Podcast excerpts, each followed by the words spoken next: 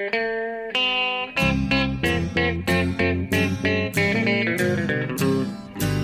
out there, we're on the air. It's hockey night tonight. Tension grows, the whistle blows, and the puck goes down the ice. The goalie jumps and the players bump, and the fans all go insane. Someone roars, Bobby scores at the good old hockey game. Oh, the good old hockey game is the best game you can name. Hallå, hallå, hallå, hallå, hallå, hallå, hallå, hallå, hallå, hallå. Hallå, hallå och välkomna till eh, NHL-podcasten med Jonathan Onskan Ekeliv, vi hörde där, Yes. från Stockholm. Och eh, mig då, Per Bjurman från ett soligt och varmt New York City. Vi ska spela in vårt 345 avsnitt. Tillika det första sedan säsongen 2021-2022 brakade igång på riktigt. Så nu har vi hur mycket action som helst att sätta tänderna i, Jonte. Ja, det har vi verkligen. Det känns som att det var två månader sedan vi spelade in senast. Det är bara en dryg vecka sedan, men det har hänt så otroligt mycket sedan dess. Vi har bara hållit på och spekulerat flera veckor liksom. Och så helt plötsligt så har det hänt massor. Så vi har inte riktigt kommit på någon plan hur vi ska strukturera upp det här avsnittet. Utan vi bara... Vi har så mycket vi ska babbla om så att vi hoppas få med allt möjligt här på någorlunda rimlig tid. Ja, det är svårt att rama in det här. För precis som du känner, eller säger så känns det som att vi, vi eh, den här veckan har pågått eh, ja, hur länge som helst. Jag, skrev det från New Jersey igår. Jag citerade Lou Reed som han sa en gång på eh, en, ett berömt album. Så stod det i liner notes stod det My week beats your year. Och det Oj. skulle, vi, det skulle vi NHL-fans kunna säga åt alla andra. Ja, det är faktiskt helt sant alltså. För det har hänt. För vi är med om så mycket hela tiden. Och, och, så här känns det väl kanske varje år. Men, men jag, jag har en eh, exceptionell sån känsla i år och, och känner mig faktiskt nästan mörbultad efter den här inledande veckan. Nu har jag varit ute och åkt en del också och haft väldiga, väldiga urladdningar i, i bloggen och, och, och lämnat referat till Jörgen Källström på morgnarna. Jajamän. eh, så, så det varit en del. Men, men eh, ja, eh, man kan ju inte säga annat än att man är överlycklig över att, eh, att det rullar på. Verkligen alltså. Och, ja, jag har fått kämpa lite för jag har ju gått och blivit en daglallare som vi säger på kontoret och du brukar kalla oss för trallgökar som jobbar normal, har liksom en normal dygnsrytm numera. Jag har ju varit kvällsbubbe som vi säger under många år och, och, och kört sena pass. Men nu jobbar jag 9 till 5 och då blir det lite kämpigt att kolla NHL om nätterna. Men jag försöker, men det har å andra sidan gjort att mina ögonlock eh, eh, ja, de, eh, de börjar få det kämpigt så här en vecka in på säsongen. Ja, vi är många runt omkring dig som tycker att det här är skandal och du tackade ja till det jobbet. Ja, ja så här i efterhand så, så börjar jag förhålla mig rätt skeptisk till det. Nu när NHL faktiskt har dragit igång. Så, ja, men nu ska vi köra. Jag har precis varit ute i sol. Vi har underbart solsken här igen. Det var ju höst förra veckan kändes det som, men nu är det plötsligt varmt och soligt och ja, det känns lite somrigt igen. Jag var och lämnade först en bil på, eh, hos hyrbilsfirman på 48 gatan. Dit, dit har du varit med och, och lämnat en bil en gång och då gick det undan. Ja, jag trodde att det var Temi Panarin som var ute på vägarna och körde. Men det var ju Per Bjurman som sitter bakom ratten. Och då, det, då ser det ut ungefär som det gör på Madison Square Garden när, när Anna Fox eller Panarin eller Zibanejad eh, åker fram längs mittzonen. Ja, man måste vara lite aggressiv och, och ta sig fram där man kan. Det var lika idag. Det var mycket trafik och lite bråttom för att hinna innan de skulle lägga på taxa för en hel dag till. Så jag låg på bra. ja, det kan jag tänka mig. Det borde, borde nästan komma upp så här på, som en highlight reel på NHL Tonight. Liksom. När, när Per Bjurman eh, åker fram där med. Det är, jag är helt seriös alltså. Ja, och sen så hann jag ta en underbar fika i, i solen innan jag satt mig till rätta här och nu är redo att eh, babbla järnet om det vi har varit med om. Men vi tänkte, eh, apropå den här strukturen, så tänkte vi ändå försöka eh, kommentera några nyheter som inte har primärt hört till det som har hänt på isen sen sist. Och det är ju några grejer, rätt Ja. mycket har det faktiskt hänt. Och, eh, somligt har varit positivt och kul, åtminstone för de inblandade. En sak har varit tråkig för den inblandade och det är Evander Kane-tragedin fortsätter nu. Han har blivit avstängd 21 matcher på grund av att han har fuskat med vaccinationsintyg och helt enkelt försökt komma undan med fejkade intyg. Ja, ja, det hör ni själva att det är ju inget bra naturligtvis. Alltså, det är så, verkligen... Det är Alltså, korkat framförallt. Eh, han har ju massor med andra problem. Det här är ju bara toppen av isberget. Eh, men det här är ju så hur tror du att han, han skulle kunna lyckas med det? När ligan är så extremt Eh, concern vad gäller allt som har med covid att göra. Jag tror att han, jag tror att han skulle kunna blåsa dem med, med ett falskt intyg. Ja. Nej. Och frågan är nu alltså om han överhuvudtaget kommer... Alltså hur hans karriär ska fortsätta efter det här. För det är ju redan snack om eh, att liksom medspelarna vill kasta ut honom från omklädningsrummet. Att det var... Ja, att det var, pågick en tvist internt under våren. Eh, och att det har blivit en helt annan stämning vittnar ju flera spelare om nu den här säsongen. Vilket de indirekt pekar på handlar om att Evander Kane inte längre är kvar i laget. Eh, och samtidigt är det snack om hur ska San Jose göra? De kan ju tydligen då inte eh, bryta hans kontrakt, vilket det har snackats om att de vill göra. Det får de inte, utan det här straffet som NHL ger nu på 21 matchers avstängning, det är så långt, det är, liksom, det, det straffet han får. Annars kommer spelarfacket Nu ja, för den här. Men det pågår ju också utredningar om otillåten gambling och inte minst då eh, eh, är han ju anklagad för att ha misshandlat sin, sin hustru och, och det är massor med sådana privata Ja, anklagelser som far fram och tillbaka. Det verkar han verkar inte ha tillräckligt med stöd för i nuläget för att kunna fälla honom för i alla fall. Nej, Vi får se hur, hur den ut, om det liksom fortsätter. Men absolut, han har ju privata problem med enorma skulder. Och ja. Spelproblem har han ju haft och så vidare. Så att, eh, ja, hans karriär... Det är ju en jättebra hockeyspelare egentligen. Han vann ju poängligan i fjol, ju nästan en poäng per match. Kom upp i 49 poäng. Ja. Men eh, det är återkommande strul utanför isen hela tiden. Och är det inte det ena så är det andra. Man har hört alla möjliga olika typer av problem runt Evander Kane. Ja, jag tror inte han är välkommen tillbaka i Sharks. Kanske, särskilt inte nu när de har öppnat så bra då, och verkar ha sånt härligt go i laget. Ja, precis. För det är ju flera spelare som vittnar det. Och, och att det till stor del handlar om ja, men, William Eklund och Jonathan Dahlén.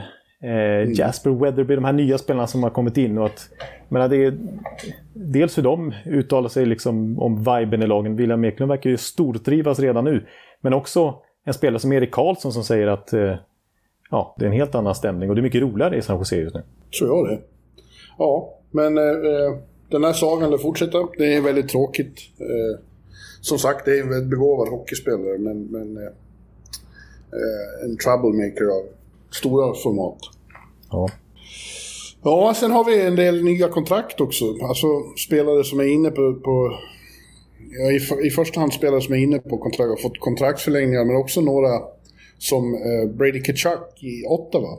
Som, eh, det dröjde ju lite innan han fick namnet på, på ett första riktigt kontrakt här. Ja, precis. Till slut så löste det sig, men då han säsongen precis komma igång, så han har ännu inte säsongsdebuterat. Och, ska vi säga, de har ju eh, väntat lite med att låta honom spela här också. Eh, för att ja, han... Han, han, har ju missat hela campen så att man kan ju inte bara slänga in honom direkt och göra som Toronto gjorde med William Nylander till exempel. Eh, som fick en tuff start då när han eh, började spela först i december. Var det 2018? Ja, men det var ju lite längre uppehåll det. Viss, visserligen då. Eh, sägs det att han kommer att spela imorgon. Eh, ja. Eh, nästa match som flera är mot just Sharks då, som vi just pratade om. Just det, precis.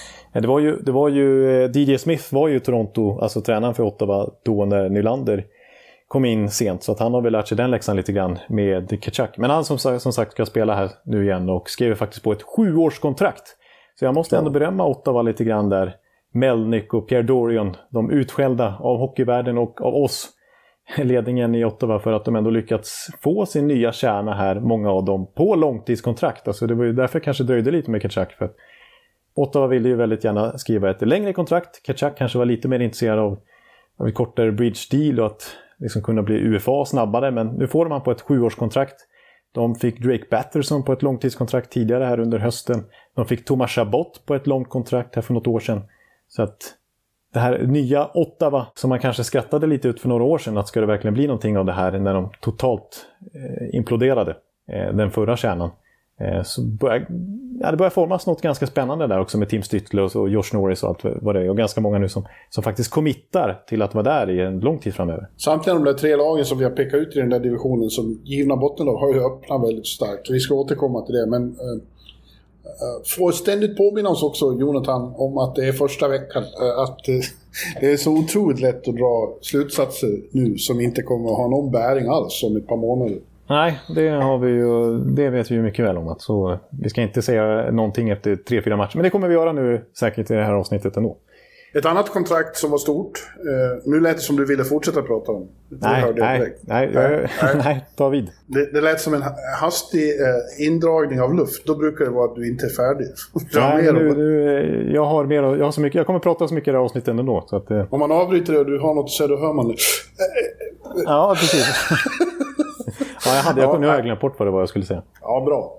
För nu pratar vi istället om, eh, i Boston Bruins då, där eh, bröt de si- sitt mönster, sitt mångåriga, mångåriga mönster och gav Charlie McAvoy faktiskt det största kontraktet i Boston Bruins historia. Ja, just det, precis. Det var nästan 10 miljoner. 9,5 miljoner dollar för ett åttaårskontrakt var det väl? Som Ja. börjar gälla först nästa säsong då, för att han har ju redan kontrakt det här året. Och det har vi pratat mycket om, framförallt du, att i Boston har ju traditionen varit att man tar hometown discounts. Och är glad att man får spela för Boston Bruins. Precis, alltså en sån som Bergeron och en sån som Marchand ligger på under 7 miljoner dollar per säsong. Samma sak med Pasternak. Så att, Ja. ja, som du säger, dyraste kontraktet i, i Bostons historia är klart, klart högre capita än andra spelare i laget nu, men samtidigt Han, så... lär, känner- han lär få höra, det lär vara mycket gliringar i omklädningsrummet. Ja, att han ska betala lagmiddagar på bortaresor och så vidare. Det är... Från Marchie framförallt tror jag är mycket... Ja, just det. mycket Det är tungt. den typen av eh, karaktärer också som kanske inte ligger lågt med spydigheter. Det är, ju, det är ju kärleksfullt, men ändå. Pikar kommer det att vara. Ja, precis. Men samtidigt, visst det är ett jättestort kontrakt, men det känns ju väldigt rimligt för McAvoy. Alltså om en sån som Darnell Nurse får motsvarande kontrakt i Edmonton tycker att det vore konstigt om inte McAvoy pekar på samma siffra i Boston. Jag menar, det är ett åttaårskontrakt ska vi komma ihåg också. Alltså han är ju inte inne i sin prime riktigt än. Och jag menar, Charlie McAvoy kan ju vara värd alltså 11-12 miljoner dollar om 5-6 år. Ja, och de har ju inte råd att tappa honom också efter att, eh, att uh, Tory Krug försvann. Eh, för att han inte gick med på de här eh, traditionerna. Och, och Chara försvann som, som eh, stor ledare där. Så de har inte råd att tappa honom också. Så det var ju värt det. är ju värt det. Det får man nog säga. Ja, ja. I Nashville har eh, Mattias Ekholm fått ett nytt kontrakt eh, på fyra år och eh, det är en rejäl löneförhöjning med en miljon om året, typ nästan. Ja, mer är det väl Nej, och med. men dub- eh, förlåt. Det är nästan dubbelt så mycket som han hade på senaste kontraktet. Så va?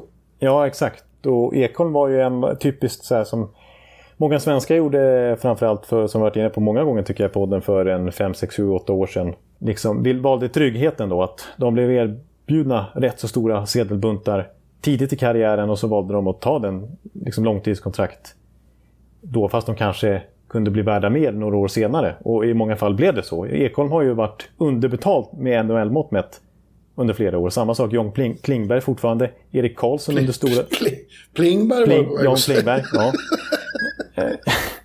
eh, ja, men, ja, Erik Karlsson, hans första liksom, stora kontrakt nu är ju, som vi varit inne på, kanske åt andra hållet. Det är faktiskt så att Erik Karlsson är den som tjänar mest i hela NHL den här säsongen. Inte cap hit-mässigt, men man kan ju ha olika lön från år till år och det är faktiskt Erik Karlsson som har mest i hela NHL nu. Mer än Conor McDavid. Han tjänar 14,5 miljoner dollar den här säsongen. Ja, gött för honom. Ja. Men vad gäller Mattias då så väldigt roligt för honom. Välförtjänt i synnerhet som du säger, eh, som han har varit lite underbetald. Men det är samtidigt eh, blir man ju lite ännu mer fundersam på vad Poile gör här. Så, så sent som för ett halvår sedan så var det otroligt mycket snack om att Mattias skulle bli tradad. Eh, att Filip skulle bli tradad. Sen blev ju han kvar där, men det kändes som att Poile ändå hade eh, iscensatt någon slags rebuild mitt i steget, även om han inte ville kalla den så. Och, och så bara han gör sånt här samtidigt. Man, man, det verkar inte som de har någon riktig plan alls i Nashville. Nej, jag håller med dig. Det är ju, det är ju varken hackat eller ma- malet, så att säga. Nu Nej. satte jag ett ordspråk ganska bra i alla fall. Ja, en, en härlig klyscha fick du in, skulle Ja, precis. Verkligen. Nej, men, det, men det är ju verkligen så. Vi har ju pratat mycket om Nashville och deras strategi och att den är väldigt märklig. Och, och nu har man skickat ner Cody... Man, när man värvade Cody Glass i sommar, den här stora traden, där Ryan Ellis ingick. Eh, det var ju en trevägsdeal där, så Cody Glass kom till, till Nashville. Då var det ju snack om att han skulle bli liksom ny centerledare för dem. Kanske inte direkt den här säsongen, men i alla fall få en framträdande position direkt. Att det skulle bli lite nystart för honom efter några jobbiga år inledningsvis i NHL-karriären i Vegas. Men han är ju nedskickad till AHL nu. Eh, Och Phil Tomasino som jag kommer ihåg jag hyllade ett avsnitt också som en spännande rookie i Nashville. Han, eh, fick, han är petad där snabbt och så spelar man lite veteraner istället. Och man förlänger med Mattias Ekholm. Eh, ja, nej det känns... Eh, de, de håller på med både ena och andra och, och Poil ändrar sig från vecka till vecka nästan känns Ja, det... Ja. Får se vad som händer med Filip då. Han har ju också utgående kontrakt nu och är värd mycket mer än vad han får. Ja, precis. Och han verkar, till skillnad från Ekholm, alltså Ekholm, barn och så vidare, väldigt rotad i Nashville. Det är ju visserligen ja. Forsberg också då, men eh, han var ju väldigt mån om att stanna där. Kanske inte bara av hockeyskäl, utan han faktiskt vill bo i Nashville med sin familj. Eh, och därför väldigt angelägen om att få det här löst för sin egen del. Då. Men Forsberg, där verkar ju förhandlingarna knappt ha kommit igång. Och, och, och det är nog mycket på grund av att Foppa inte är helt säker på att han vill stanna i Nashville. Nej, det skulle inte jag vara när, de, när, när det rattas så här underligt. Eh, svänger fram och tillbaka över vägbanan. Eh, jag eh, skulle vilja bo i Nashville förstås, men, men eh, nej. Eh, Filip kan hamna någon annanstans. Det är ju intressant. Och, och det, ja, det, vi... det, kan jag lägga till. Nu kommer en sån här inandning igen. Ja. ja nu kommer jag, kommer jag ihåg vad jag skulle säga också. Eh, det är ju lite intressant där, en sak som man ska, kan hylla Poil för, för det är ju bra för Nashvilles del och för klubbens möjligheter att göra förändringars del. Det är ju att han aldrig delar ut no movement-klausuler. Eh, det är väl Josie som har fått det nu, men annars är det nästan ingen som får det. Det har ju gjort att han kunde skicka P.K. Subban till New Jersey Devils till exempel. Det hade kanske inte varit möjligt annars. Han kunde skicka Victor Arvidsson av någon anledning till LA och han kunde skicka Ryan Ellis till Philadelphia nu. Han är, och samma sak med, med, med Foppa. Han har ingen no movement-klausul heller. Så att eh, till skillnad från många andra stjärnor så, här, så kan ju Poil verkligen deala med sina spelare. Eh, Mattias Ekholm fick inte heller någon no movement-klausul i sin nya, nya kontrakt till exempel. Nej. Ja, vad har vi mer för kontrakt innan vi kommer in på eh, det som folk vill höra om då? ja, eh, nej, men vi kan ju nämna Nick Suzuki. Eh, skrev ju på ett eh, nytt kontrakt. Det första, nya första centern i Montreal. Eh, också ett sånt där eh, kontrakt som eh, du liksom får stora sedelbuntar tidigt i karriären och, och lockas av det och kan inte motstå frestelsen att skriva på. Eh, kan, liksom I det här läget låter det så mycket pengar för Nick Suzuki. Han har gjort noll poäng på fyra matcher hittills. Montreal har gått väldigt trögt. Eh, ja, det är det minsta man kan säga. Det är det minsta man kan säga. Och, och Suzuki har inte bidragit positivt till att förändra det hittills. Men får nästan 8 miljoner dollar nu på ett åttaårskontrakt. Kanske känns lite magstarkt, men det, jag menar, vi såg ju slutspelet där Montreal gick till final och vi såg under hela grundserien i fjol där han gjorde nästan, ja, inte en poäng per match, men gjorde över 40 poäng på, på 56 matcher i alla fall att där har ju Montreal sin framtida första center och jag tror att det är ett smart kontrakt av Bergevin att knyta upp det redan nu. Och att om 4-5 år så kommer Suzuki definitivt vara värd det där. Alltså, jag tror ja. han kommer bli en point per game-spelare snart. Ja. Då är man ju minst värd 7,8 miljoner dollar, så är det. Jag skrev upp det här för att komma ihåg och påminna om senare. Oj då. Men jag vill bli påmind typ 2023. ja, ja. Mm. Visst. Mm. Ja, då kan vi kasta oss över det vi har sett då, eller hur? Ja, ja men vi gör det. Nu, nu har vi mycket, nu är det mycket. Ja, ja eh, det har ju verkligen... Vi tänkte, vi har några... Vi har typ fem grejer var uppskrivna, typ, men jag vet inte om vi kommer att hålla oss till dem. Nej, det känns som det kommer att bli mer. Vi försökte begränsa oss till, till eh, fem ämnen var vi fick välja. Men vi, vi börjar där så, så blir det säkert mer. Jag kan börja med ett som jag faktiskt inte nämnde för dig, men som jag tycker är en intressant tendens första veckan. Okej. Okay. Ja. Eh, och, och, eh, med den så kom jag in på några lag ändå som jag hade, uh, tror jag, typ. Mm. Nej, men det är att, att ålder, uh, som någon sa och som jag skrev i bloggen igår ifall någon har läst den och nu lyssnar. Ålder är, betyder bara någonting utifall man är en ost. Ja. Eller ost betyder ingenting såvida man inte är en ost. Så, så. Ost betyder ingenting. Nej, ålder... Fan, du jävlar. Ålder nu betyder ingenting. Ja. ja. Ålder betyder ingenting såvida man inte är en ost. Ja, ja. så skulle jag säga. Nu, det var ju inte så effektfullt. Men att, ja, vad jag vill få sagt är att det är väldigt många oldtimers som har startat eh, frapperande bra. Ja. Haft en rivstart här i veckan och då tänker jag framförallt på eh, gubbarna i LA, eh, Drew Dowdy och Ansay Kopitar, har verkligen mött en ny vår. Men det är ju även en sån som Steven Stamkos eh, och eh, Mike Smith i Edmonton. Det finns fler exempel. De har varit öst in poäng. Och det vet ju du som har både Dowdy och Kopitar i fantasy. Ja, precis. Och det har jag inte... Det har varit välkommet om man säger så. Ja. Det rasslar till ordentligt där. Kopitar gjorde ju 3 plus 2 i en match till exempel. Ja. Ja, och, och eh, Ovechkin förstås. Eh, Kuznetsov har vaknat. Han är väl inte så gammal i och för sig, men, men eh, de har varit med länge och det är kul att se att de... Stammer var ju etta i poängligan här alldeles nyss. Ja, Nej, precis. Alltså, jag, jag tycker nödvändigtvis inte att det är någonting vi årligen återkommer till vid den här eh, tiden. Liksom att, eh, Nej, absolut inte. Att oldtimers börjar bra. Jag tycker snarare det brukar vara tvärtom. Att de brukar Ja, ta brukar en stund och, som- precis, och komma igång. Liksom. Och att de är lite ringrostiga här efter att de inte spelat ett tag. Och, och, och liksom, campen har inte varit något de har ansträngt sig vid precis. Så att liksom, de kommer igång först framåt november, december. Men eh, nej, i år har det verkligen varit tvärtom. Det är gubbarna som regerar. Ja, och jag tycker att... Ja, igen alltså. eh, Det kan ju vara en helt annan bild om en månad, men...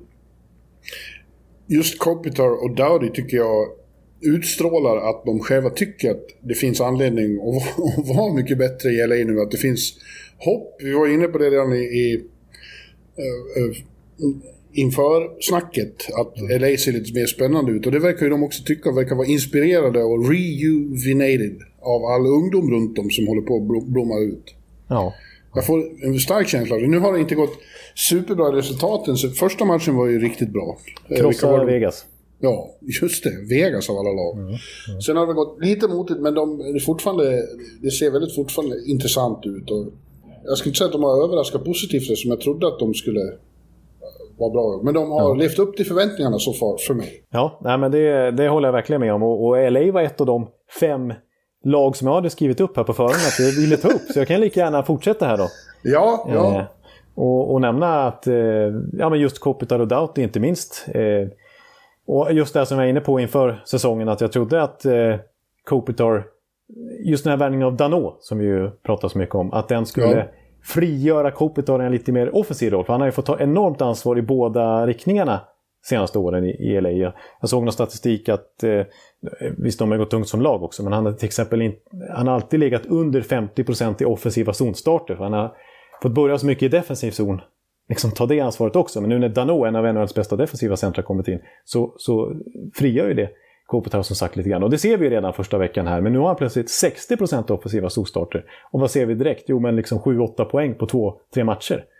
Eh, så att den effekten som vi liksom förutspådde på, på förhand, hela hockeyvärlden egentligen, den har ju verkligen varit tydlig att så har det blivit hittills. Eh, Det, Ja. det tror jag inte bara är en, en fluk, utan det är en trend som vi kommer se den här säsongen. Ja. Och, och Doughty kan jag nämna också, som ju varit lite... Eh, han har gått och blivit... Han blir mer och mer frispråkig tycker jag för varje år som går. Ja, det blir han. Och, och vad, vad var det du eh, skrev i en krönika, eller som du hade sett där? Att, eh, Han hoppade på Caprizo. ja, precis. Han sa att eh, Kaprizov, han är överbetald. Han har bara spelat ett 50-tal matcher i NHL. Vad, ska han ha- få de där pengarna för? Ja. Ja. Och, började, och, och då svarade han med snurra upp det och göra mål. Ja, visserligen då.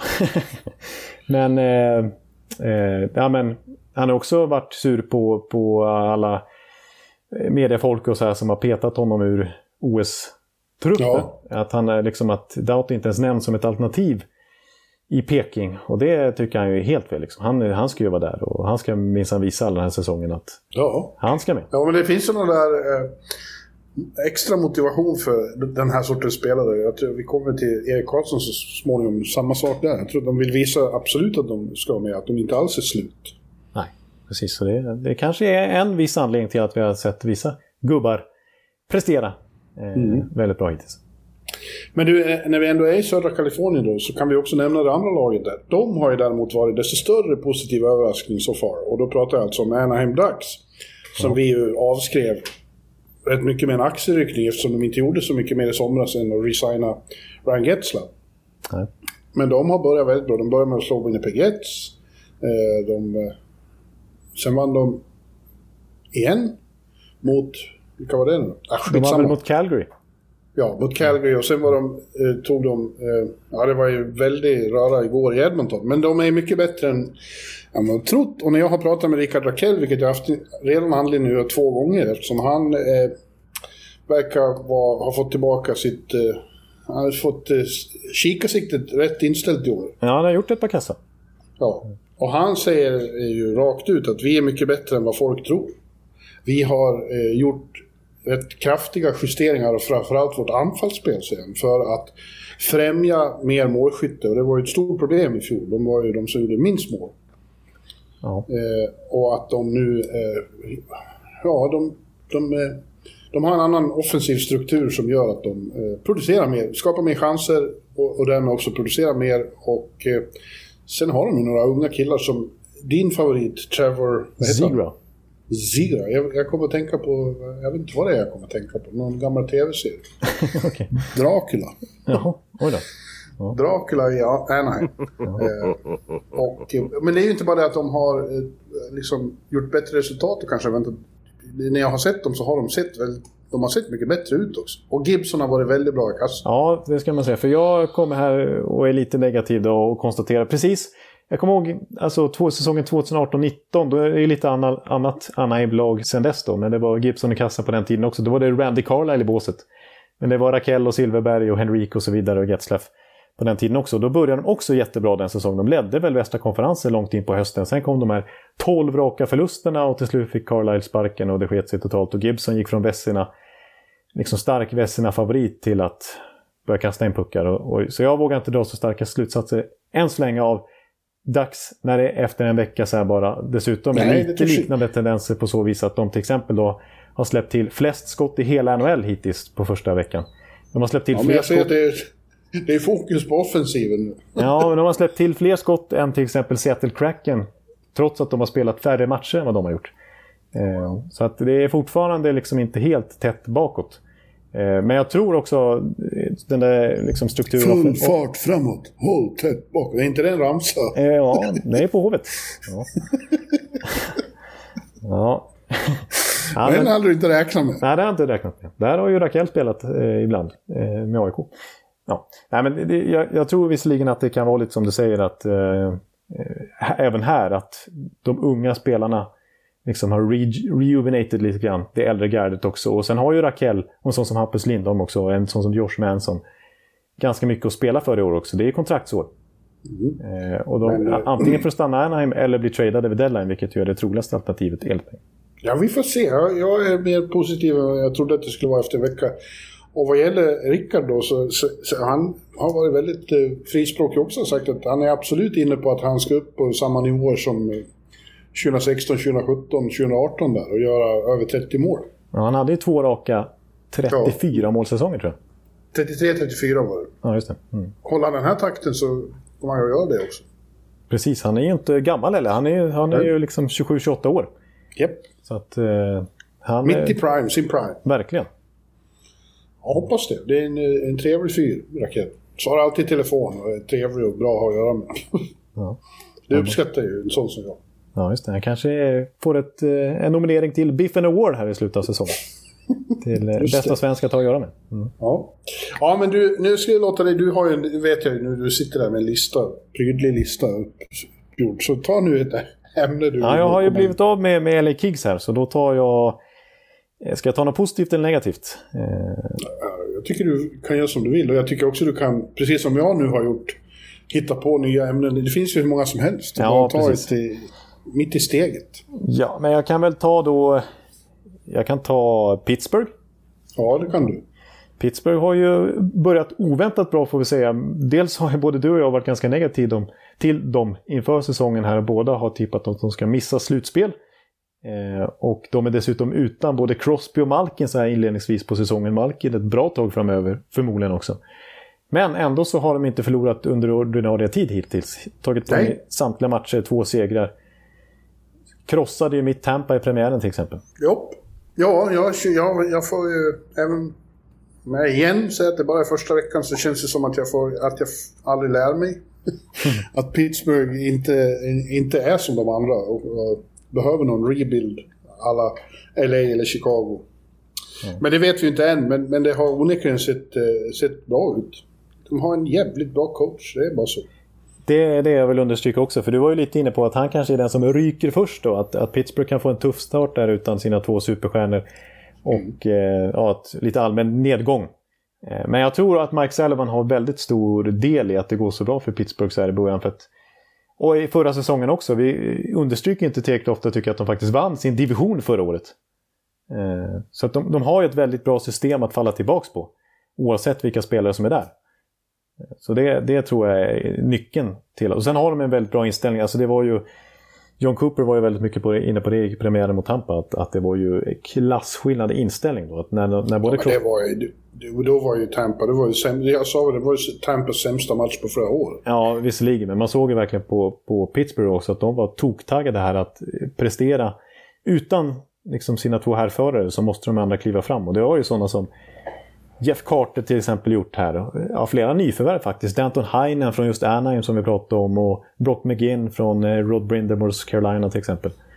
Eh, ja, Marcus Pettersson tycker jag har gjort en väldigt bra öppningsvecka också. Ja, det är kul för honom har det varit mycket snack om att han kan vara trade bait. Ja. Nej, okej okay då. Det blir väl som vanligt då. De går till slutspel och så åker de i första omgången. Ja, exakt. För att, de har, för att det är fortfarande inte några jättebra målvakter. Nej, för trots att vi pratar om Mike Sullivans system och så vidare, att det verkligen sitter och att de har två enorma sparkapital här att kasta in också. Så eh, nej, det har ju inte burit frukt alls i de senaste slutspelen. Sen de vann egentligen, så har de ju åkt ut med underbrak direkt varje år. Mm. Nej förresten, de gick ju faktiskt till andra rundan mot Washington. Men där bröts ju förbannelsen 2018. Ja, men sen dess i alla fall. Eh, men eh, jag vill, apropå Pittsburgh, så en annan grej jag vill lyfta fram då var ju att i matchen här mot Dallas i natt när vi spelade in det här. Så var det ju inte fullsatt. Det var, det var första gången sedan 2007 som Pittsburgh inte hade fullsatt på en hemmamatch. Det är 633. Ja, när, när, det, när det har gått att få fylla Ja, ja precis. Ja. Exakt. Men alltså av, av matcher utan restriktioner mm. så var det första gången inte hade fullsatt på 14 år. Eh, Men det har ju setts på flera håll. Det var mindre folk än väntat i United Center igår också. Eh, och i Montreal. Men det har ju att göra med pandemin fortfarande. Det finns ju många som är tveksamma till att framförallt ta med sig ovaccinerade barn på fullsatta arenor.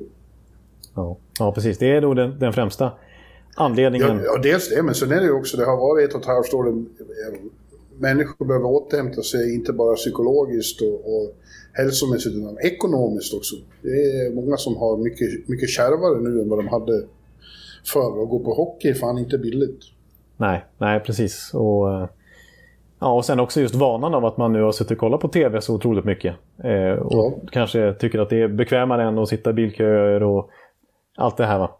Eh, betala dyra biljettpriser. Det, för det har vi märkt i SHL också. Det, de flesta lagen har ju haft vikande publiksiffror nu efter restriktionerna jämfört med innan pandemin också. Mm. Så det, är, det är många faktorer som spelar in och det är samma sak i NHL. Yes. Och nu ska jag säga en till sak som inte jag tog med i, när vi skulle strukturera upp det här. Mm. En tendens mer än eh, något annat. Eh, och eh, Anaheim, som jag nämnde, sitter ihop med det. Att några, eller flera av de här lagen som vi trodde, som vi har dömt ut, mm. har börjat väldigt bra. Eh, även Ottawa som sagt, men Buffalo och Detroit också. Och Columbus får man nog nämna där med. Mm. Eh, och visst, det är ju så här att vad som händer de här första betyder inte så mycket om man vinner mycket. Vi, vi har ju sett något år när Montreal öppnade med 10 raka och missade slutspel i alla fall. Buffalo Sabres eh, ledde vid Thanksgiving efter en och en halv månad 2019 och sen så brakar det ja. upp som vanligt.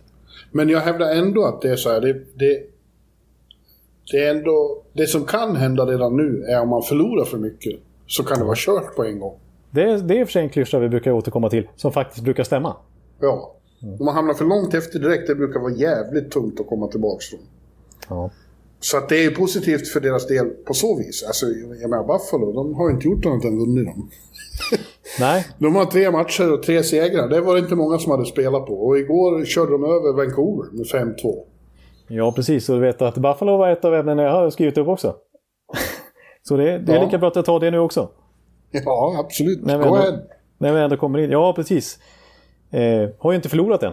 Tre raka segrar. Visserligen vill jag eh, då kommentera att de har mött de har bara spelat hemmamatcher hittills mot ganska mot lag som har haft det tufft här inledningsvis. Mot Montreal, ju, som fortfarande mm. inte vunnit än. Mot Vancouver som du sa nu. Som väl haft både och start hittills. Och, ja, verkligen. Eh, och Arizona som väl går allra sämst kanske. Ja. ja, de kan inte räknas med i den här tendensen. Nej, precis. Vi var inne lite på, eller jag i alla fall, förra veckan när vi previewade Central som sista division. eh, inför säsongstarten att Arizona och Buffalo kanske skulle tävla om att komma sist, precis som Conor McDavid-året 2015. Fast nu om Shane Wright 2022. Men utifrån den matchen så är det tydligt att Buffalo ser klart starkare ut än Arizona i alla fall. Ja, jag tror man kan tillskriva, det, vi tillskrev redan den värdiga avslutningen på förra säsongen, att det är Granato som har, har tillåtit att en väldigt fin sammanhållning och stämning har utbrutit i den där truppen. De har ju inte, det har inte förbigått dem, eller det har inte liksom passerat dem att hela världen tror att de är sämst i världen. Nej. Utan, och, och det har ju svetsat samman dem, kan man tänka sig. Att de vill visa att de är mycket bättre än vad, än vad vi går här och fnyser om. Precis, och sen just det här, den stora skillnaden i liksom, tyglarna, köra fria tyglar nu mer i alla fall, jämfört med Ralph oh. Kruger. Att liksom ja, men uppmuntra offensivt spel och hög press som de har. Och, och eh, det har varit väldigt fokus på puckkontroll, alltså att att de ska liksom vårda pucken. Det har man sett nu på, på campen också. Har ju Beat sagt att de aldrig har sett fler övningar som inkluderar puck under hela försäsongen. Det är puck, puck, puck, puck hela tiden och de ska bli duktigare på det. Puck, de, puck, puck, ja, precis. Och de ska, de ska bli bättre på att pressa och återvinna pucken. De ska bli bättre på att klara av press i egen zon och, och spela sig ur och så vidare. Så det är fullt fokus på, på det, på det offensiva biten och på puck, puckkontroll helt enkelt från Don Granato. Eh, och, och det, det gynnar ju sådana som Rasmus Dahlin, de har ju ändå ett gäng skickliga spelare. Dylan Cousins börjar, börjar se bra ut. Sådana här dinosaurier som man har räknat bort. Eh, ja, men typ till exempel och, Kyle och, Poso har jag sett bra Ja, precis. Han har varit väldigt bra i början. Ja. Precis. Jeff men, Skinner eh, också. De har ju en gammal ja, 40-målsskytt där. Eller han är inte ens 30 år än, eh, Jeff Skinner. Och, och, och, gjorde 40 mål så sent som för två, två tre år sedan. Ja. Men jag tror inte de kommer att, att, att vara kvar här. Nej. På andra plats i Atlantic när, när vi när vi tar fram kalkonen för Thanksgiving. Nej, det, det, det håller jag med om. Apropå publiksiffror, de har alltså fortfarande inte gått över 10 000 i en enda match. Nej, det är Det är anmärkningsvärt, men det är förståeligt också att fansen där är, är tveksamma. Ja, precis. De har ju tappat något så fruktansvärt mycket i säsongskort. Det är knappt någon som har säsongskort i Buffalo. Att, eh, ja. Men Detroit då, som jag också nämnde där. Eh, det är helt klart positiva tendenser hos Detroit. De har inte heller förlorat i ordinarie matchtid igen. Och eh, ja, vi har ju eh, vår rookie då, eh, Lucas Raymond, som igår gjorde sitt första mål lite snyggt i alla mål. Och, ja, verkligen. Eh, spelade fram till ett inför ögonen på Niklas Lidström som var imponerad. Ja. Eh, och, ja, det, har varit det är lite mer positiva... Ja, ja, det visste inte jag. Ja. Skandal. Mm. Eh, vad har du sett det? Ja, det var ju någon, det var, kan det ha varit i första, var det mot Tampa där kanske som de visade båda två på läktaren faktiskt? Ja, okej. Okay. Mm. Ja, ja. Positiva eh, tongångar. Men även hos sådana som liksom har varit där ett tag. Eh, inte minst Tyler Bertuzzi. Ja, varit... Oj, vad han har öst in mål här i början. Ja, och Dylan Larkin är ju väldigt bra. Men, men är, vi har ju också sagt att de här, de och även Ottawa, ska bli lite bättre i år. Ja, vi hade ju sådana här bättre, bättre slash sämre segment i våra preview Ja, vi tror väl inte att de ska vara före Boston och Tampa och Toronto när det, och Florida när det, när det kommer till kritan. Men, men, men bättre. Ja, precis. Jag måste säga att jag är imponerad av eh, Lucas Raymond. Det är väl inte så konstigt att jag är det, men... men eh, han är bara 19 år och spelar så jävla bra. Ja, precis. Och jag tycker... Jag, jag Nej, när man liksom inte riktigt har slagit igenom på allvar i SHL innan man åker över så, så har jag svårt att tro att, att man ska liksom gå in och dominera i NHL direkt. Jag ska inte säga att Lucas Raymond har dominerat, men eh, och jag ska inte säga att han inte slog igenom i SHL heller, för han var ju bra i SHL, men han var ju ingen toppspelare riktigt. Eh, men, eh, och det kanske inte är NHL här heller, men han klarar sig väldigt bra. Och eh, framförallt den här oräddheten. Att han inte visar någon riktig respekt av att han spelar ett, i en Original Six-klubb och möter NHL-spelare här liksom. Eh, och bara är tonåring fortfarande. Alltså han, han bara kör. Bara hans ja. målgest efter sitt snygga mål där, när han ställer sig och kör, kör en Zlatan-målgest nästan. Liksom, och står och liksom, kolla, kolla här, ja, okej, det var inte så svårt. Det, liksom. Nej, han, I ögonen då på Z och Lidos. Ja, precis. Så att, eh, ja, jag, jag tror det, han kan kanske blanda sig i Calder-racet här i slutändan. Vi, vi ska inte, ska inte springa händelserna Nej, det ska så långt i tack, tack så mycket, det var bra att du påminner mig. Eh, jag kan väl också ta och nämna några lag som jag har sett då live. Ja. Eh, och Seattle Kraken har jag följt nu ganska noga då. Först eh, kollade på TV och sen har jag sett dem nu två matcher. Först i Philadelphia och i New Jersey och då har det inte gått bra för dem alls. Ja, du har ju kallat jag- dem för både Cleveland Barons och Atlanta Trashers och Hartford Whalers och så vidare. Ja, de har sett ut, och framförallt i Philadelphia såg de ju faktiskt ut som ett klassiskt expansionslag mer än ett modernt. Ja. Eh, Det såg ut som när, när Thrashers och Wild och, och, och, såna, och Lightning kom in i ligan. Ja. Ja. Eh, De var helt utspelade. Eller, de vart ju det, men i början så... Eh, de startade bra i Philadelphia också, hade ett par fina lägen. Hade ett friläge i, efter 6-7 minuter i Jonas Donskoj. Kom fri mot Carter Hart och Carter Hart räddade. Och jag har ju redan använt den räddningen som en Thomas Ravelli-parallell. Att det var, det var som när Thomas Ravelli i, VM-krönikan 94 säger att det är en räddning där mot Ryssland vände att där, där kände jag att där. Det kan vara sådana små detaljer. Ja, ja, ja. Du tänker att det kanske kan vända lite på Carter Harts karriär också? Exakt. Ja. det kändes som att resten av den matchen sen så var han svinbra. Ja. Men Seattle var inte bra. Och jag, tror, jag ska inte jämföra med de där gamla expansionslagen, men de har väl spelat som man trodde att Vegas skulle spela. Eller uppträtt som man trodde att Vegas skulle göra. Det här är mer normalt för ett expansionslag. Ja, alltså, och samtidigt så tycker jag att de har ganska mycket att skylla på. Eh, Ja, det har de verkligen. De har än så länge inte spelat en enda hemmamatch. Det har varit fem raka bortamatcher och inte minst då har det varit covid. Eh, Varför säger Störningar. du covid? Jag säger covid, men det är väl för att jag är i USA. Ja, jag just säger Jag, covid. jag sitter på Södermalm och är helt... eh, Och det säger ni covid. Ja, ja, ja jag vet inte om alla säger det, men jag har försvenskat det till det i alla fall. Eh, Och du har ju nära släktskap, eller inte släktskap, men du, är nä, du känner covid bra. Du har ju varit inne i din kropp. det, har, det har det ju faktiskt. Ja. Ungefär vid den Nej, här men det tiden var ju så. förra året. Mm. Det var ju, började med att eh, åtskilliga i truppen hade testat positivt. Det slutade med att det bara var Kalle Järnkrok som inte testade negativt på nästa test, eller på två nästa testen. Men, men flera spelare kom ju i sista stund till den här matchen i Vegas. Eh, någon timme innan hade de flugit privatjet från, från Seattle. Eh, ett helt gäng.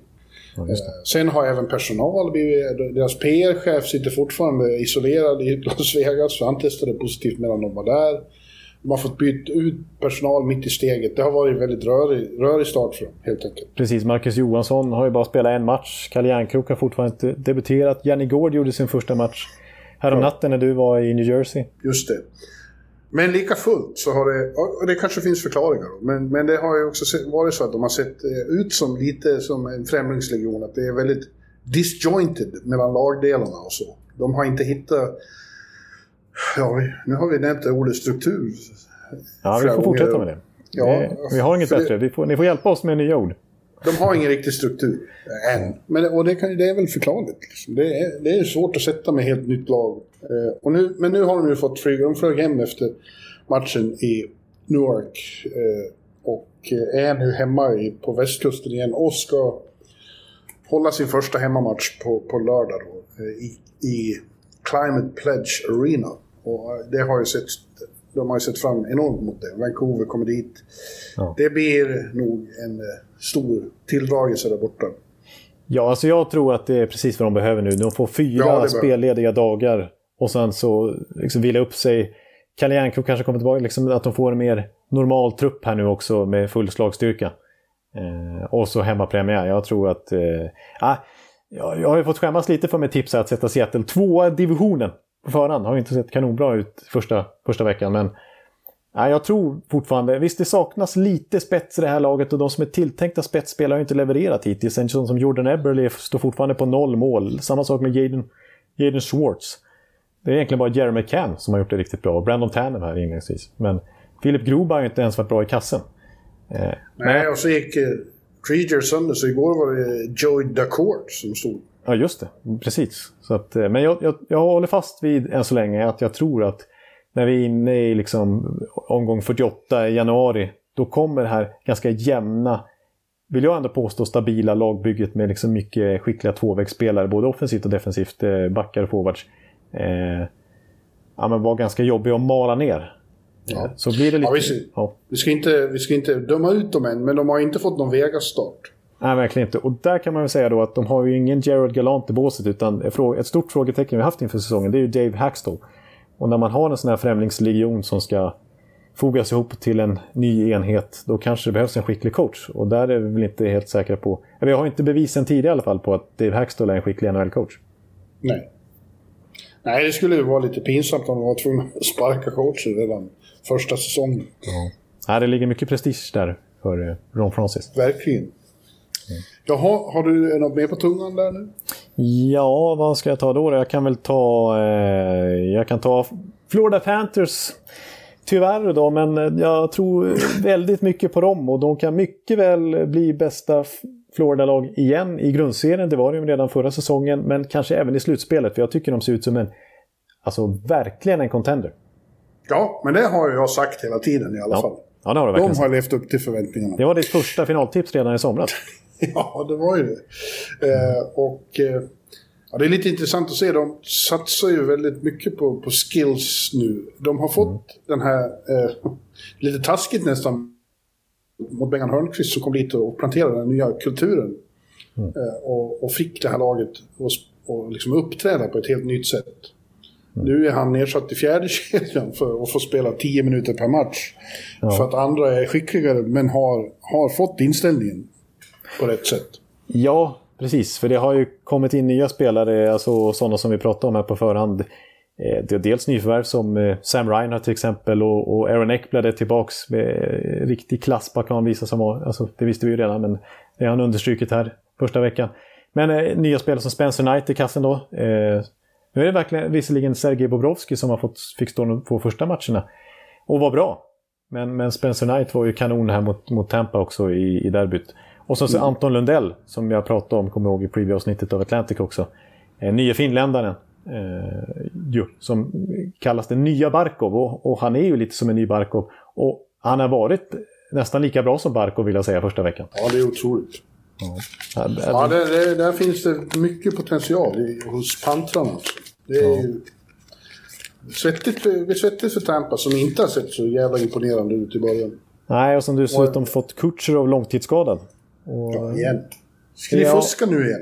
Nej, nu hjälper det oss inte för att det gjorde ju att vi hade råd att förlänga med Cirelli och Sergachev och, och behålla hela tredje kedjan till exempel i fjol. Men nu är hela den där tredje kedjan borta och nu finns det ju inget... Men det är ju en stor skillnad att ha en spelare på long time injury reserve hela säsongen och inför säsongen och veta om det jämfört med att få drabbas av det mitt i steget nu. Och... Ja, jag skojar. Vi skojar med. Ja. Men ni är så känsliga. Det, det är inte alls... Jag vet, vi är ju lättkränkta Tampa, Tampa-fans och spelare, men... Men det är inte alls samma fördel nu. Verkligen. Det är bara bakslag det här. För nu har vi ett, en sämre trupp sen tidigare och dessutom Kutcher borta. Så att det, det blir tufft. Äh, Florida är klar favorit i delstaten just nu i alla fall. Det är inget snack om saken. Och, och jag bara, bara för att understryka Lundell, för de som inte har koll, liksom, hur, hur mycket förtroende han har fått hittills. Alltså han har... Han har spelat, det är han och Barco som spelar bäst, mest av dem i boxplay till exempel. Eh, båda har spelat exakt 11 minuter hittills mest i laget eh, bland forwards. Eh, om man ser till 5 mot 5-spel så det, har han spelat mer Lundén än till exempel Jonathan Huberdo hittills. Att snacka om att Joel Quenneville har gett honom eh, förtroende omgående och inte bara offensivt som, eller sådär liksom lätta matchups och så vidare utan boxplay till och med. Liksom, och så utan det, det, han, ja, han är verkligen mogen. Ja, det, blir, det ska bli jävligt spännande att följa Pants. Även om jag tycker det är lite trist här med Bengan. Får spela så lite. Ja. Eh, mera Bengan säger jag. Ja, jag säger en sak till om Florida också som gör att, liksom, att alltså det är verkligen ett sånt otroligt läge för dem att vinna just i år. För Barkov skrev ju nyligen också ett nytt kontrakt, 10 miljoner dollar på åtta år var det väl. Eh, mm. Det kanske vi hann nämna i förra avsnittet, jag minns inte. Det, det var ett tag sedan det hände nu. Eh, men det börjar gälla först nästa år. Alltså nu kostar han bara 5,9 miljoner dollar. Är, han är gravt underbetald med NHL-mått mätt. Samma sak Jonathan Huberdeau och samma sak med många spelare i det här laget. Och, och de har liksom Spencer Knight på rookie-kontrakt, Anton Ludell på rookie-kontrakt. Det här laget kommer att vara mycket mer värt om två, tre år. Så passa på, och jag menar som sagt Barkos nya kontrakt, dubbelt så dyrt, tickar in nästa år. De har ett jätteläge i år när, så otroligt många spelare utom Sergej Bobrovski är underbetalda med NHL-mått mätt. Så att, eh, Och de har, de har till och med plats att förstärka vid deadline, vilket ju många andra contenders inte har. Så att, eh, får de till ytterligare en bra back till exempel, då blir de livsfarliga. Florida Anaheim i final. ja. Nej, Florida Edmonton. Ja. Ja, nej. Eh, jag tänkte också nämna ett par lag här som har varit väldigt stora besvikelser. Eh, ja. Vi sa nyss att Buffalo de här överraskar positivt. några har ju överraskat negativt. Montreal har vi redan varit inne på. Det har ju varit bedrövligt. De har ju fyra raka förluster. Man trodde att det kanske skulle bli bättre när de fick komma hem till Bell Center, men det blev det verkligen inte. Eh, och det, redan nu är det, det är som det är där, så det börjar redan pratas om förstärkningar. Somliga säger att de måste göra något nu, andra säger att de får inte göra något i panik. Eh, och eh, Bergevin höll en presskonferens idag efter fyra matcher, bara det säger ju något. Ja, då är det ju precis. Det är sånt man måste göra i ett hockeyvecka ja. som Montreal efter att ha varit i final för några månader sedan. Ja. Men eh, Chicago har ju också inlett med fyra raka förluster. Och det var vi inne på från början att eh, Jeremy Colleton kommer att sitta risigt till om, om, eh, om det här laget som de nu... De har ju bestämt sig för att satsa igen. De, eh, eh, deras rebuild är över. Och, och, och, nu ska de gå minst till slutspel, men det har inte sett... Ja, det var väl lite bättre mot Islanders då, i, i hemma United Center. Eh, men eh, inte långt ifrån tillräckligt bra. Islanders för övrigt som ju också hade startat lite, lite trögt. Men det, det, de är man inte orolig för. Man vet att de kommer, de kommer hitta sitt, sin identitet igen. Ja. Även om det är tufft med 13 raka bortamatcher att börja med. Det är, det är en prövning det. Ja, verkligen. Men, men Chicago, oj, jag såg dem ju också här då i New Jersey i fredags. Mm. Eh, Eh, nu knarrar det i golven på Södermalm. Ja, jag, jag vet. Jag, därför jag har svårt att... ja, vi, vi, vi... ja, men jag, vi är ju oense om det. Jag tycker om när det hörs ja. Eh, ljud eh, eh, från livet utanför podden.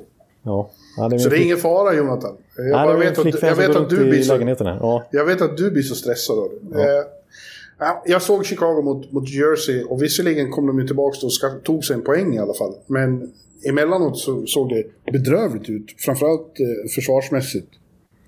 Ja. Och mest alarmerande av allt var att en sån som Seth Jones såg ut som att professionell ishockey var någonting helt nytt för honom. Ja, det var, det var en sågning. att han var helt främmande. Vad, vad, vad är det här? Ja. Nej, nej, precis. Nej, det är ju inget av nyförvärven egentligen som har... Jag menar, Mark-André Fleury, han ligger på 84 procent hittills. Ja, men det har ju att göra med att försvaret ser ut som det gör. Ja, precis. Jag, och det är ju Colletons ansvar. Det kommer jag ihåg att vi sa. Exakt! Det var ju... ja. Vet du vad de inte har? Nej. Struktur.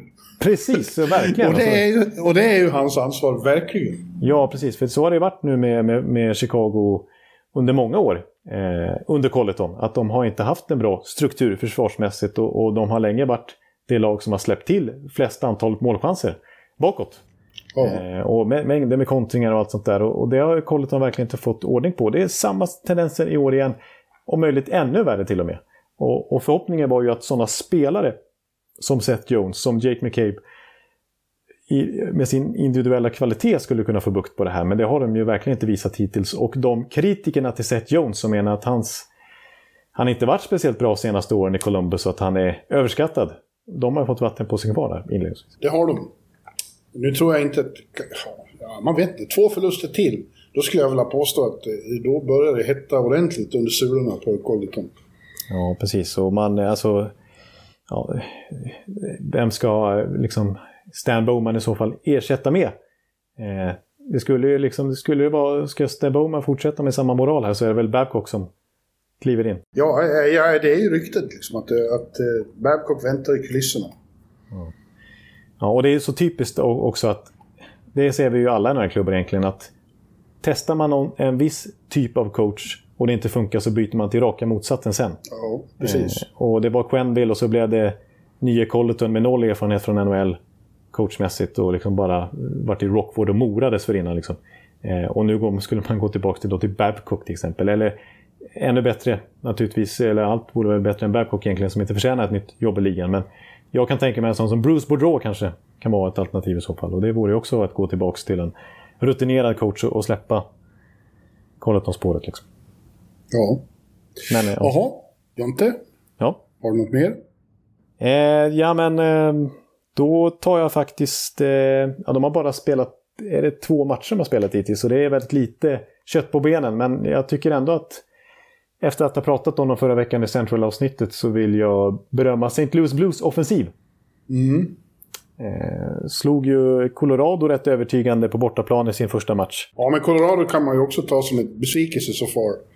Ja. Eh, det har ju delvis berott på att de eh, har haft McKinnon skadad och Gabriel eh, avstängd. De var ju väldigt bra i första matchen mot Chicago, men sen har de ju... Nu var ju McKinnon tillbaka så hjälpte inte i alla fall.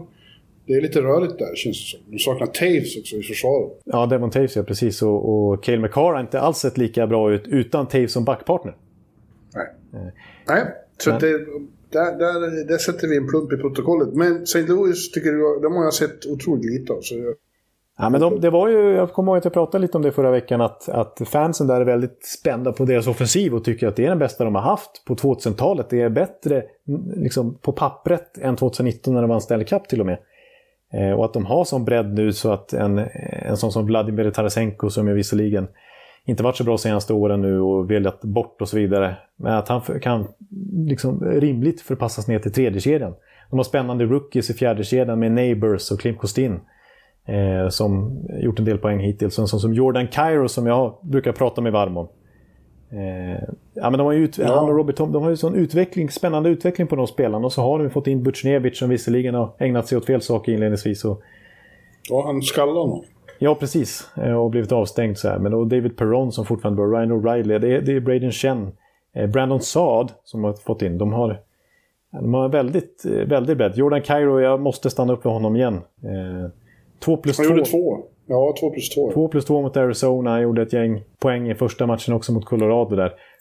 Eh, trots att han inte får spela så mycket. Han är bara 13 matcher, 13 matcher, 13 minuter i de inledande matcherna. Så man skulle verkligen vilja se vad Jordan Cairo kan bli. Alltså man kan bli en riktig, alltså en riktig toppspelare i NHL. Med större förtroende alltså. Och, och liksom mer powerplay-förtroende också skulle jag vilja se. För att kollar man förra säsongen. Om man tar fem, bara 5 mot 5 och, och stryker alla powerplay-poäng för samtliga spelare. Då hamnar Cairo väldigt högt upp i både mål och assist. Eh, han, hamnar, han hamnar faktiskt topp 20 i båda två. Eh, lika många mål som David Pasternak 5 mot 5 förra säsongen, trots väldigt lite speltid lika många assist som både Barkov och Martian förra säsongen. Eh, mm. Så att skruva upp hans speltid med från 13-14 minuter till 17-18 minuter. Släng in honom i powerplay. Alltså jag tror Jordan Cairo kan bli en, som sagt, en riktig, riktig, en av topp top, top 20 i NHL. Ja. Mm. Jag vill nämna New York Rangers också som jag har sett en del. Visserligen bara en hemmamatch ännu, men eh, de har ju filmat förbi på TV här också. Och eh, det är väl både vin och vatten. Eh, ja. Vinet står framförallt Igor Shesterkin för i kassen. Eh, han, eh, alltså, det är ju inga problem alls eh, med tronföljden här från Henke till Igor. det är lite anmärkningsvärt att de har gått från Richter till Lundqvist, till Shesterkin. De har haft det bra på målvaktsfronten på, på garden länge. Ja, det kan man säga. Och, och, han har varit... Alltså den här matchen de vann mot Toronto, den hade de ju no business att vinna egentligen. Eh, men de gjorde det tack vare honom. Ja. ja han, eh, han kan bli den stora utropstecknet. Han är, kan vara Vessina jägare i år. Ja, det tror jag också. Och nu är det typiskt mig att liksom fastna lite vid, eh, jag ska inte fastna vid statistik nu, men det är också typiskt mig att stanna vid lön och siffror och sånt där. Och han skrev ju på ett nytt kontrakt där inför säsongen på 5,6 miljoner dollar var det väl? Och vissa höjde på ögonbrynen för det, liksom är han värd så mycket redan nu? Han har ju precis kommit till NHL, det, är bara, det blir ju hans andra liksom hela säsong bara. Eh, det här. Men jag tror att Rangers kan ha gjort ett kap.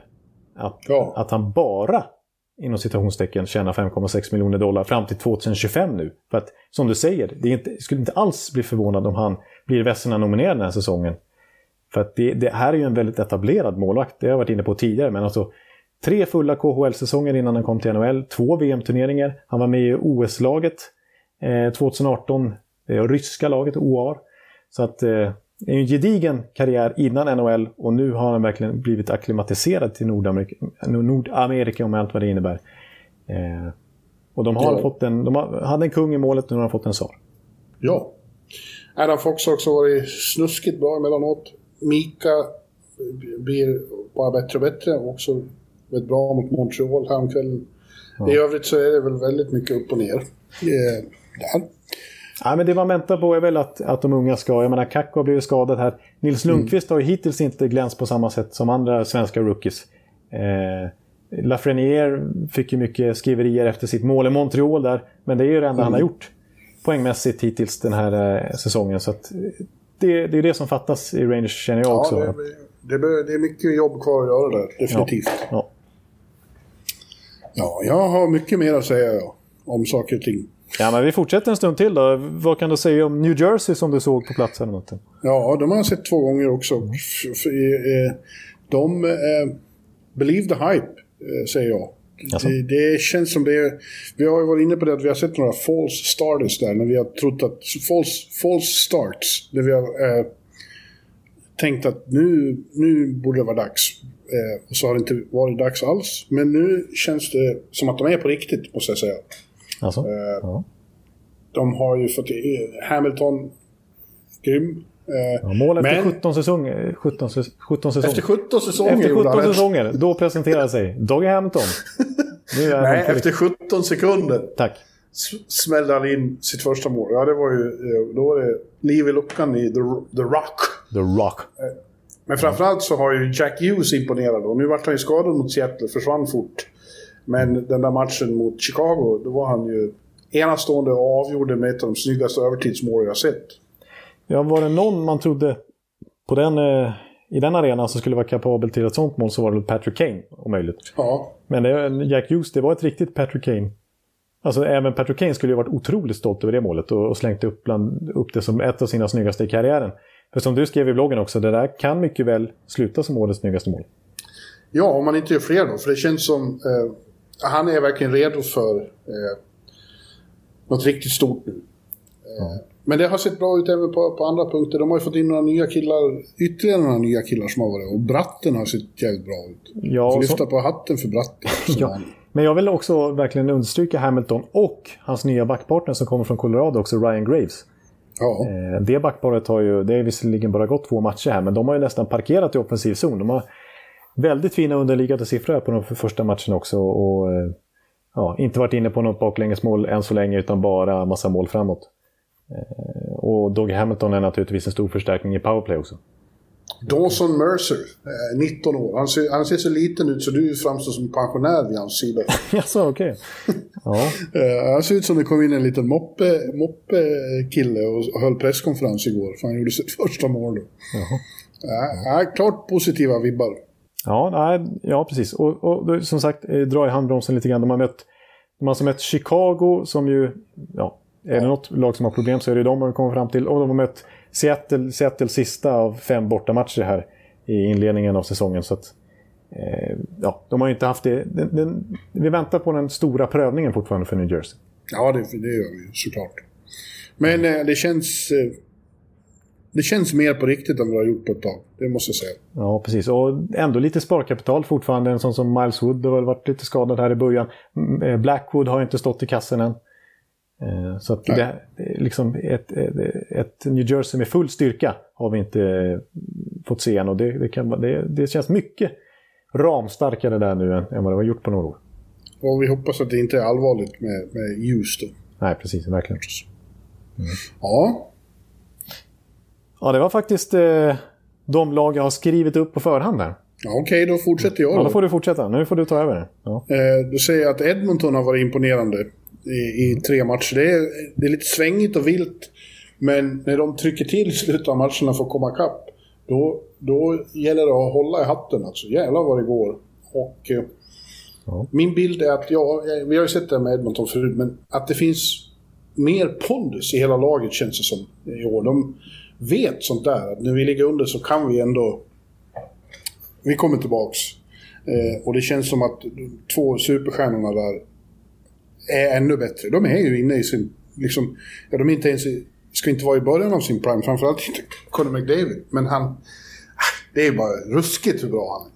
Ja, jag vet. Det är, exakt. Jag såg någon projection här. Jag kommer inte ihåg vem som hade tagit fram den. Så det är kanske dumt att, att, slänga sig med. Men att, att McDavid i alla fall skulle göra 150 poäng i år. Ja, men det, det är... Ja, jag, jag säger inte att det är omöjligt. Eh, när de ser ut och, och, och... Liksom just den där kaxigheten de har utvecklat nu. Eh, och den har spridit sig, tycker jag, jag tycker det ser bra ut även på andra punkter än bara men, de där två. Ja, men sen en sån som Puljujärvi är ju som ett nyförvärv ja. nästan också sett till hans utveckling under våren och nu, nu kommer han in med bättre pondus också, har ju lärt sig engelska ordentligt nu och, och liksom är inte så valpig längre utan börjar bli en, en NHL-spelare. Ja. ja. ja eh, klart eh, imponerande öppning. Vi måste ju nämna San Jose också då. Eh, ja, just det. Apropå Absolut. lag som har överraskat positivt och, och, som vi har haft stor glädje av som svenskar. Ja. Jonathan Dahlén inledde sin första match i, förlåt, i Katedralen med två mål direkt. Just det, i Bell Center så, så ja, det, och det var ju direkt alltså. Det var ju inte bara direkt i, om man ser till matchen som helhet utan det var ju, det var ju några minuter. 1-0 och 2-0, ja, Exakt. inom några minuter. Eh, han har varit väldigt bra. Eh, eh, William Eklund har också varit bra. Han har två mm. assist så far. Och Erik eh, ser lite på nytt född ut. Eh, mm. Mycket lugnare, eller mycket mer självförtroende. Han har alltid haft självförtroende. Han, ja, precis. Och han, jag hörde inför säsongen, precis eh, när säsongen skulle dra igång där, så fick han lite så kritiska frågor. Liksom att du måste ju faktiskt göra en bättre säsong och du som tjänar så mycket och allt det där. Och han sa att ja, men jag är ju en av världens bästa backar. Ja, jag, är jag tycker fortfarande... Jag, han tycker ja, det liksom. Ja, precis. Ja, men nu har han visat det. Och när jag pratade med honom igår så sa han ja, skillnaden är puckarna går in, eller ja, får lite utdelning nu då. De har ju gått eh, stolpe ut i några år. Så, men det känns som att han är hel och frisk. Och, jag ska inte säga mer självförtroende, men riktigt eh, sånt här eh, engagemang. Han är riktigt fokuserad och då, då kan vad som helst hända, det vet vi. Ja, precis. Och andra, så här, Bob, Bob Bogner, nu när jag börjar sätta uttalet där. Eh, har också varit inne på det, att han ser en annan skärpa i skridskoåkningen. Lite rappare Erik Karlsson faktiskt. Han var nöjd med hans camp. Det var inte något han bara lunkade sig igenom. Mm. Eh, vilket han kanske har gjort tidigare. Utan han har ju klippt hår, han har ju klippt sig och skaffat jobb, höll jag på att säga. Han, han, ja. Nej, men... Eh, han ser, och, och, han är också inne på, precis som Doughty, då. Doughty som jag precis i inledningen av podden var inne på, att han var frustrerad över att han inte nämns i OS-snacket. Och det är precis samma sak med Erik Karlsson som är helt inställd ja. på att han ska till OS. Och om man nu lämnas utanför vissa experttrupper eh, så ska han minsann visa att han ska vara given i första backpar. Liksom. Ja. Eh, så att, eh, ja, fyra poäng på två ja. matcher hittills. Ja, och, och de har vunnit båda. Nu åker de till Ottawa. Det är alltid en stor stund för Erik. Ja. Om de, det, är ju, det har ju varit en, en, en, grej med San Jose när det har gått dåligt de här åren. De har fått riktigt sura starter. Och jag tror att det kan vara, betyda mycket för dem att istället få en bra start. Ja. Bra in. Ja, precis. Jag fick en till Erik-tanke här, för jag var ju besviken på honom förra säsongen, precis som många andra. Men just det skenet av att man tänkte, man har liksom alltid känt som man verkligen har kunnat skylla på skador att han har tappat lite grann. För det har han verkligen haft problem med. Man har ju sett på hans skridskoåkningar att han har varit lite stylt jämfört med tidigare. Men man tänkte då när, när han fick tio månader på sig inför förra säsongen att komma tillbaka så borde det vara en hel och, ja, större chans att vi får se en hel och frisk Erik Karlsson då i alla fall. Men så var det en, en svag säsong trots allt. Men, men då var det, det var ju en väldigt strulig säsong för San Jose. De fick ju inte ens spela på hemmaplan i början. De fick ju bo på hotell i Arizona och inte gå utanför där förutom när de skulle precis. till rinken. Liksom. Och så var det en, en, lång period innan de fick börja spela hemmamatcher på riktigt. Så ja. nu är det en helt annat läge i San Jose. Eh, ja. på, på många sätt. Ja. Ja, nu kommer en snabb resumé av de lag vi inte har pratat om. Washington eh, har börjat bra. Ovechkin ser väldigt inspirerad ut och har redan gjort tre mål och jagar, jagar vidare på alla tiders mållista. Carolina två raka. Jesper Fast har gjort två mål. Han är on, on on track för 82 mål i år. Ja, just det. Det sa han själv också att det är målet. Eller ja. inte. Columbus nämnde vi som Hassias var bra i början. Han sett njam, njam, njam, upp och ner. Eh, Philadelphia Hart eh, såg skakig ut första matchen. Man tänkte oh no, ska det bli så här igen? Men kom tillbaka sen mot Seattle. Uh, Boston har bara spelat en match, det är väldigt svårt att säga någonting om, men de såg ju förtroendeingivande ut. Swayman Minutes... i mål istället för Ullmark. Ja. Minnesota har sett bra ut och hade ju show i, i natt när Joel Eriksson Ek gjorde hattrick, fullbordade hattrick eh, på övertid. Det var en underbar crap cup-sekvens. Hela matchen var jävligt rivig och fin. Här, här i lägenheten kan det bli konstiga ljud om jag inte nämner att Zuccarello gjorde 2 plus 2. Ja, just det. Eh, just det. Ja, han var bra. Dallas, eh, lite eh, trög öppning, men det var ju väldigt kul att se deras första match att eh, Jakob Pettersson gjorde mål direkt. Just det. Eh, eh, herr Ekelivs kompis. eh, Nashville, ja, ja, ja. Eh, Winnipeg har varit väldigt svaga. Eh, förvånansvärt svaga. Eh, Vancouver nämnde vi som hastigast. Upp och ner. Mest ner. Eh, och Calgary slutligen inte alls bra. Nej, nej precis. Där, kan det bli så Daryl Sutter, han är också en kandidat till att kanske rycka rätt så tidigt?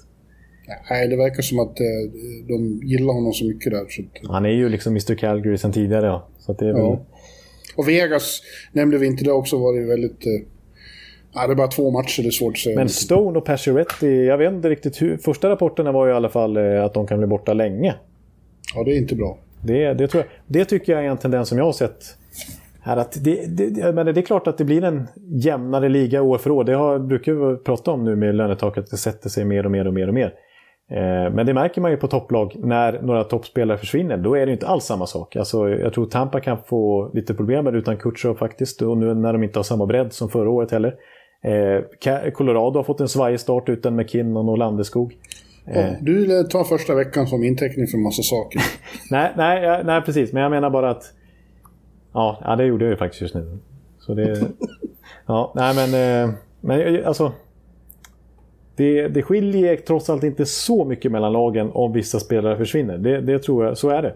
Och, och jag var inne på det inför...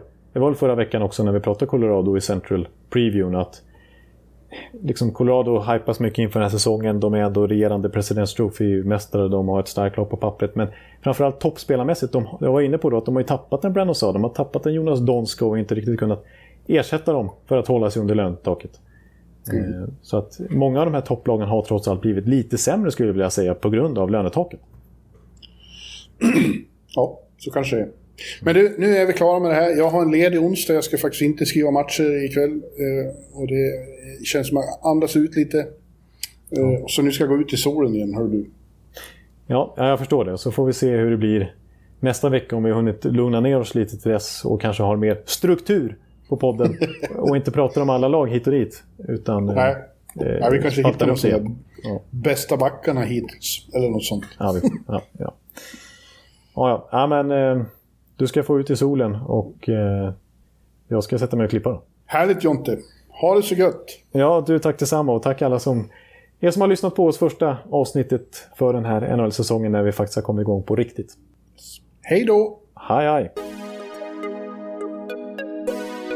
Hallå, hallå, hallå. Hallå, hallå, hallå. Alex Chiazot, Joe Luis Arena och Esposito. Esposito. Uttalsproblem, men vi tjötar ändå. Och alla kan vara lugna, inspelningsknappen är på. Bjuder Hanna Kohl, han är grym i sin roll. Från Kållesoffan har han fullständig kontroll på det som händer och sker. Det blir ju allt fler som rattar in hans blogg. Och lyssna på hans podd. One, two, time, speed, so Hallå, hallå, hallå.